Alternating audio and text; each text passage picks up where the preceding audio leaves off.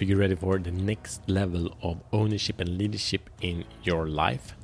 And take absolute control and create fulfillment and meaningfulness in your life.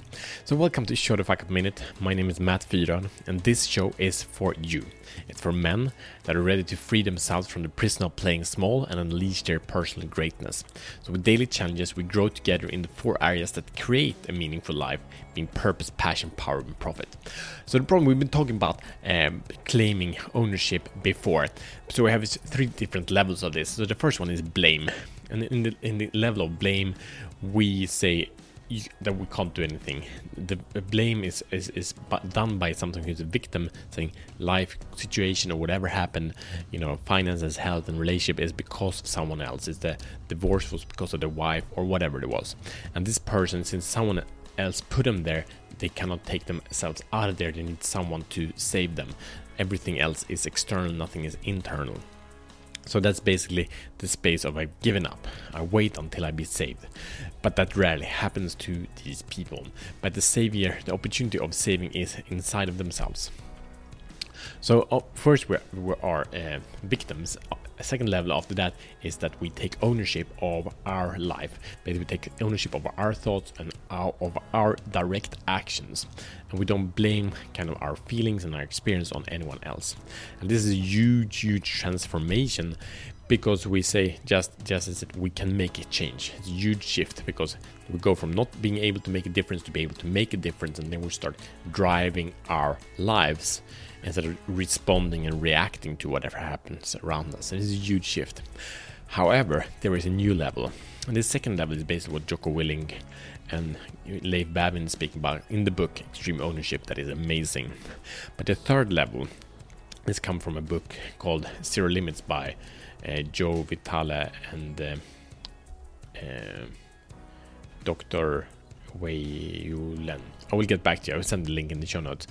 And they, anyway, speak about the next level of extreme ownership, and that is being responsible for all areas in your life, all experiences, everything that happens in your life, even if it was really someone else that did it. If you experienced and saw pain just externally, that your uh, ownership, you're to take ownership of that, and not until then we can really start to claim the results that we really want to.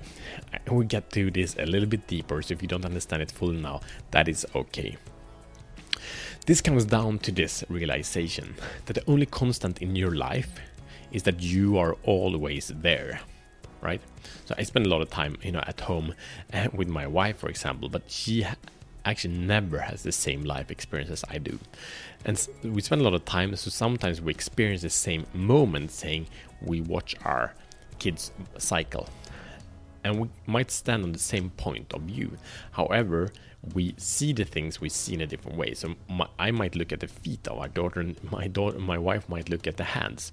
So therefore, we observe different things. We can, you know, see things in the technique or just enjoy different things. I might be focused on the frustration on why my daughter doesn't take her her support wheels off and my wife is is amazed by the wind whatever it is right so this is just to show that there are no real moments we create them to 100% so if uh, they they in the book they draw it further by explaining for example that if if there's pain you know if there's a car accident they take it re- to real extreme like how can you know someone knocked your car? How can that be your responsibility? You were there. So if you were there, you must have created that. So in one way or the other, you were to kind of in the most positive way to blame for that experience. And uh, when we do that, we can in that moment immediately start to shift things. So you're the only constant in your life. So therefore, your life experience must be a creation of you. There are no objective uh, experiences. They're all different. Everyone tells a story in a different way, understands it in a different way, feels about it in a different way. So you are creating it. So what makes someone suffer can make you joyful, happy, and fulfilled. Just a matter of your experience. So you claim ownership over everything even the things that happen far away from you, you internalize them and say, This is my responsibility. I'm gonna shut the fuck up to own this. So that's the solution. Remove the idea that there is an outer world. So if you think about the Matrix, it's uh, you know the computer-generated experience of millions of people living in cocoons, being in a computer program where they're kind of living life as it looks like now, right? So that means that they're lying in these cocoons, and when they're lying in the cocoons, they're imagining a world and that is the reality. So there is no streets, there are no anything. It's just an imagination. That's the world that Neo lives into the beginning. Yes. So now we're gonna turn this around. We're gonna claim ownership. We're gonna say if there is no outer, there is only an inner world, and when I own the inner world, the outer world must change. So here's your mission should you choose to accept it. Number one, identify an area you're being a victim on. So we're not speaking about the the uh, you know the immediate victimization of how okay you could be in more health and so on. Like you need to step on and claim ownership for that also if you want to own your life. But here's actually something that how the external world is putting things on, upon you. Um, from a far away. So it can be, you know, right now we have the pandemic going on. So it might be that. How are you a victim to that in the sense that you don't claim responsibility to that or to the to the news or to any kind of people that keep coming into your life and annoying you right? Um, in, in tomorrow we share episode two of this and then we'll share with you two amazing stories how this has shifted massive things in my life just the past two days. Like small details but actually massive.